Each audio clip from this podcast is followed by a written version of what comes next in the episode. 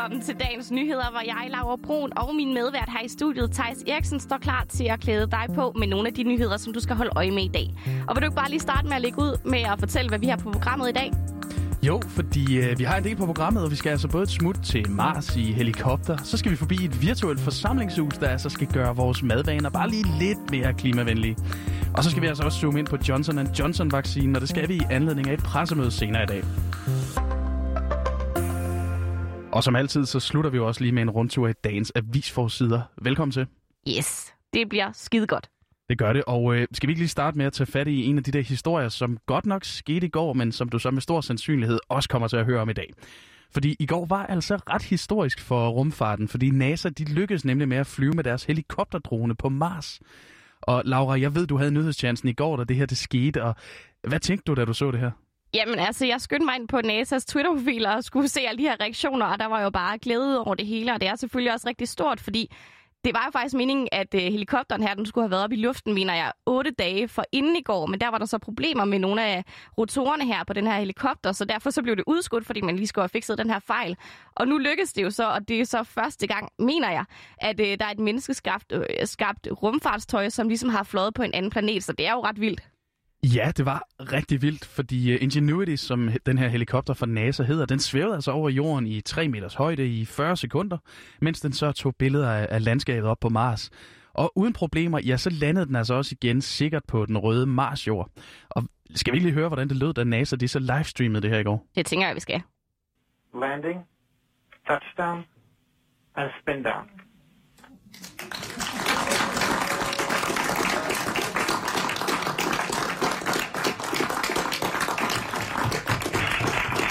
And altimeter data confirms that Ingenuity has performed its first flight, the first flight of a powered aircraft to another planet. Ja, det er jo altså lige før, man får lyst til at klappe her i studiet, og som vi kunne høre i klippet, så er de ansatte hos NASA også rigtig begejstrede. Og det er der altså også god grund til at være, for John Leif Jørgensen, der er professor ved DTU Space, han siger nemlig til DR, at når NASA er lykkes med at flyve den her helikopter på Mars, så er det en milepæl i samme liga som dengang de to brødre Wilbur og Orville Wright i december 1903 for første gang lettede fra jorden i et fly med motorkraft. Thijs, hvad siger du, hvis jeg siger, at du i dag kan komme på besøg i Fødevareministerens forsamlingshus? det ved jeg da virkelig ikke. Det, det, det lyder umiddelbart lidt svært. Ja, det kan jeg faktisk godt forstå, du synes. Men ikke desto mindre, så er det faktisk i eftermiddag, at Rasmus Prehn, der er minister for Fødevare, Landbrug og Fiskeri, han åbner sit virtuelle forsamlingshus. Og det er altså nærmere bestemt en række online debatevents, som Rasmus Prehn han har arrangeret. Og det er det første af de events, der løber over stablen i dag. Og du kan lige høre her, hvad Rasmus Prehn han vil sige om arrangementet. Det, jeg håber rigtig meget på, det er, at vi får en rigtig god og engageret debat om kostrådene, og får illustreret de mange måder, der er for at både gøre noget godt ved ens øh, sundhed, men også at gøre en forskel for klimaet. Og det kan man ved at følge de her kostråd, så det bliver øh, tæskehammerne sjovt og spændende, det er jeg helt sikker på. Og det er altså to spørgsmål, der skal debatteres i dag, nemlig om vi skal udfase kødet, og om danskerne kan ændre vaner. Og til at gøre det, ja, så er der altså inviteret otte personer her i blandt Selma de Montgomery fra Fridays for Future, som jo er en bevægelse, der demonstrerer for klimaet. Og så er der også inviteret formænd og direktører, og faktisk også kokken Claus Holm. Og det lyder måske som en blandet landhandel, men faktisk så er det meningen, fortæller Rasmus Prehn. Det skal skabe noget engagement og noget debat, fordi der også er nogen, der mener det ene, og nogen, der mener det andet. Altså blandt andet har vi Peter Nielsen på, som er landmand og siger, at han bare vil blive ved med at spise en hel masse kød, og det er det eneste rigtige vejen frem. Så har vi nogen på, der er klimaentusiaster, der siger det stik modsatte, og så er der så nogen som mig midt imellem, der siger, ho ho, lad os nu have plads til en god bøf, men lad os måske prøve at spise lidt mere efter kostrådene, sådan så at vi også spiser flere bælfrugter, spiser mere plantebaseret, tænker over, hvad der er godt for vores livvide, vores sundhed, øh, kraftforebyggelse, men også øh, klimaet. Ja, ja, men, øh, men, men Laura, en debat som den her, forslår den ikke som en skrædder i helvede i det store klimaregnskab? Jo, men altså det kunne man jo faktisk godt fristes til at sige, men Rasmus Prehn, han mener altså, at det er arrangementer som dem her, der skal være med til at skubbe udviklingen det er jo ikke det enkelte møde, der gør den helt store forskel, men det, at man engagerer folk, at man tager debatten, at man får folk til at tage stilling, selvfølgelig gør det en øh, forskel. Der er jo rigtig meget øh, forbrugerdrevet øh, udvikling og innovation øh, i Danmark. Tænk på hele øh, den økologiske bevægelse. Altså for år tilbage havde vi jo ikke ret meget økologi. I dag har forbrugerne vist, at vi vil gerne have økologi. Jamen så er der altså meget mere økologi øh, på hylderne. Så øh, det at holdningspåvirke, det kan rykke øh, noget. Men det skal selvfølgelig gå hånd i hånd også med politiske beslutninger, de rigtige rammer, den rigtige regulering osv. Ja, og det er altså fra klokken 17 til 19 i dag, at man kan se den her virtuelle debat. Og det ligger faktisk i det tidsrum for, at man kan se det, imens man laver aftensmad. Hvordan passer det ind i dit normale program, Thijs? Jamen, det passer ganske udmærket. Jeg skal, sådan, øh, jeg skal meget sådan skemafast spise lige omkring kl. 18, ellers så, så bliver jeg sådan lidt grumpy. Så... Jamen, så passer det jo lige ind i dine planer. Ja, ganske meget. og det her event, det får mig også til at tænke, at øh, vi nu skal have en lille lynquiz, Thijs, uh. og finde ud af, hvor meget du egentlig ved om mads klimaaftryk. Ja, lad os prøve. Yes, it's quiz time. Og øh, lad os da bare starte med spørgsmål nummer et. Hvor meget CO2 udleder oksekød mere end kikærter? 35 gange så meget, 15 gange så meget eller 10 gange så meget? Jamen, øh, jeg har heldigvis en fortid på Landbrugsavisen, og så vidt jeg husker, så hvis, hvis og jeg ved det ikke, hvis kikærter, de skulle vise sig at være en, en, øh, en, sådan en bælplante, så, op, så, så opsuger de faktisk CO2, når de vokser, øhm, og oksekød udleder rigtig, rigtig meget, så jeg gætter faktisk på 35. Ved du hvad, det er helt rigtigt, så øh, det var godt husket. Og lad os da bare flugthoppe videre til spørgsmål nummer to, fordi hvilke bær er mest klimavenlige? Er det hindbær, jordbær eller blåbær? Hvad tænker du? ja, det er, godt spørgsmål. Det, jamen, det er et godt spørgsmål. bær? Jeg, kan, jeg, kan, jeg, kan, jeg spiser jo ikke sådan rigtig bær. Jeg bryder mig ikke rigtig om dem. Jeg plukkede engang jordbær en hel sommer. så, så jeg har sådan et sært forhold til dem. Jeg, gæt, jeg gætter på... Jeg, jeg håber ikke, det er jordbær, der er mest klimavenlige. Jeg siger blåbær.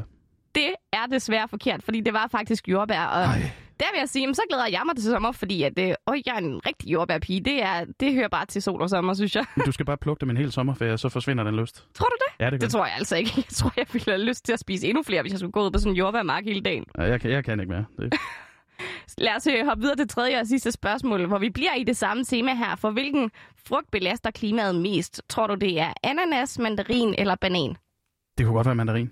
Det er desværre også forkert, fordi Nå. det er faktisk bananen, der er den værste sønder af dem her, fordi de jo også bliver dyrket rigtig langt væk fra Danmark.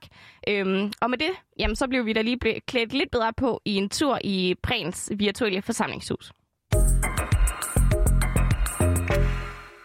Ja, og for det forsamlingshus, Laura, så kommer vi altså ikke udenom det længere. Det skal også handle om vacciner. Igen. Fordi de fylder en hel del for tiden. Ja, det er jo lige før, det er ved at blive et fast segment her i dagens nyheder. Altså, det er utroligt med alle de vacciner. Hvilken en drejer det sig så om i dag? Jamen, øh, dagens vaccine, fristes man til at sige, det er Johnson Johnson-vaccinen. Og, øh, og grunden til, at vi skal tale om den, det er fordi det europæiske lægemiddelagentur EMA, de holder pressekonference senere i dag. Og øh, her der forventer man altså, at EMA de vil vurdere sikkerheden ved coronavaccinen for Johnson Johnson, og så ligesom komme med deres udmelding om brugen af den vaccine. Lige nu der er den jo faktisk allerede sat på pause i flere lande på grund af bekymringer for alvorlige bivirkninger i form af blodpropper, og det har vi jo egentlig hørt før. Det var nemlig tirsdag i sidste uge, at USA's lægemiddelstyrelse de meddelte, at de ikke længere anbefalede at bruge vaccinen, fordi man altså havde fundet sjældne blodpropper hos seks vaccinerede kvinder i USA. Og kort efter USA's melding her, så udsendte Johnson Johnson så en pressemeddelelse, og her skrev selskabet, at det altså har sat sin vaccineudrulning i Europa på pause. Men hvad betyder det her så egentlig for vaccinekalenderen, og, og hvad er så Danmarks vaccinemuligheder? Det gør vores kollega Anna Søjberg også lidt klogere på her. All 50 states will be halting use of Johnson Johnson's coronavirus vaccine. Om alle danskere, der ønsker det, er vaccineret til tiden, det kommer i høj grad an på, om vaccinen fra Johnson Johnson kommer i brug i Danmark. Vaccinen er nemlig en vigtig brik i den danske vaccinationsplan, fordi den modsat de andre vacciner, som Danmark bruger i øjeblikket, kun kræver et enkelt stik. Danmark har lagt billet ind på 8,2 millioner doser af vaccinen her fra Johnson Johnson. Og Sundhedsstyrelsen har givet os lidt indsigt i, hvilke konsekvenser det vil få, hvis Danmark vælger at fjerne den her coronavaccine fuldstændig fra vaccinationsprogrammet. Den danske vaccineplan kan blive forsinket tre uger, og det betyder helt konkret, at alle voksne først vil være tilbudt en vaccine ved udgangen af august. Men Danmark har faktisk mulighed for at få fingrene i flere vacciner på kort sigt. Danmark er nemlig sikret vacciner fra seks producenter gennem EU, hvis vaccinerne altså godkendes. Og i de aftaler har vi også en mulighed for at købe ekstra vaccinedoser, det man kalder for optionsdoser. Danmark har allerede købt de knap 2 millioner optionsdoser fra Pfizer-BioNTech, som der var mulighed for, og hos Moderna er der altså mulighed for at købe 3,4 millioner optioner. På nuværende tidspunkt der kan myndighederne dog ikke købe de her optioner, fordi producenten ikke kan levere dem. Men Sundhedsministeriet understreger, at de vil gøre, hvad de kan for at speede vaccinationshastigheden op. Ja, så, så for at opsummere, ja, så bliver det altså bare ret interessant at følge med i, hvad man så beslutter med den her vaccine. Ja, fordi ja, nu efter vi har hørt det her, så er der jo stadig ret mange ubekendte. For eksempel om der er en sammenhæng mellem vaccinen og de her sjældne blodpropper. Og så ved vi jo selvfølgelig heller ikke, om vaccinen den skal genoptages, anbefales til særlige grupper, eller om den helt skal ud af vaccinationsprogrammet. Nej, det er, jo også, øh, det er jo også det, men vi bliver altså forhåbentlig klogere senere i dag på det her pressemøde med EMA, og øh, vi skal også lige huske, at, at med den sidste vaccine, hvor vi så med de her blodpropper, jamen der, der har EMA jo peget på, at der er en sammenhæng, men at, at, at risikoen er så lille, så fordelene de også opvejer ulemperne. Men vi ved det ikke endnu. Vi bliver klogere senere i dag på EMAs presmøde. Det gør vi forhåbentlig. Ja, og nu er det altså blevet tid til, at vi lige tager et hurtigt kig på, hvad nogle af dagbladene de har på forsiderne af deres aviser i dag. Og vi starter med Jyllandsposten, fordi her kan man fortælle, at antallet af fængslet i terrorsager er rekordhøjt. I de danske fængsler, der sidder der nemlig lige nu mindst 27 personer varetægtsfængslede, og øh, som er sigtet i eller tiltalt i terrorsager fordelt på otte forskellige sager. Og det er altså en gennemgang af baserende terrorsager, som Jyllandsposten har foretaget, der viser det her. Og ifølge eksperter, så er der altså tale om et rekordhøjt niveau, og Magnus Randstorp, der er leder af terrorforskningen ved det svenske forsvarshøjskole, han siger faktisk, at i forhold til Danmarks størrelse, så er det altså et kæmpe tal og et omfang, man bør være urolig over. Ja, det, øh, det lyder jo heller ikke særlig betryggende eller særlig godt, at det tal det er så højt. Nå, ja, vi skal også videre, fordi jeg har, jeg har så taget noget fra informationsforsiden med, fordi de har en historie, der altså virkelig har sparket til folks følelser, og det er den her Super League. For i går der meldte 12 af verdens største fodboldklubber altså, at de vil lave deres egen turnering, og det satte så prompte ild til internettet og folks følelser, fordi sport er følelser. Og det er altså især det her med, at de 12 klubber, de er ligeglade med deres fans. Altså, de fans, der igennem for mangens vedkommende hele livet har gjort klubberne og sporten til det, som, som den er i dag. Og det er altså den tendens, der bliver skrevet med information i dag, hvor de kalder det for en radikalisering af den udvikling, som i tre årtier har forvandlet fodboldklubber til firmaer. Yes, og med det så nåede vi til vejs ende af dagens nyheder for i dag. Udsendelsen den var tilrettelagt af Anna Søjberg og Jonas Emil Jacobsen, og din værter var mig, Laura Brun og Tejs Eriksen. Tak fordi du lyttede med.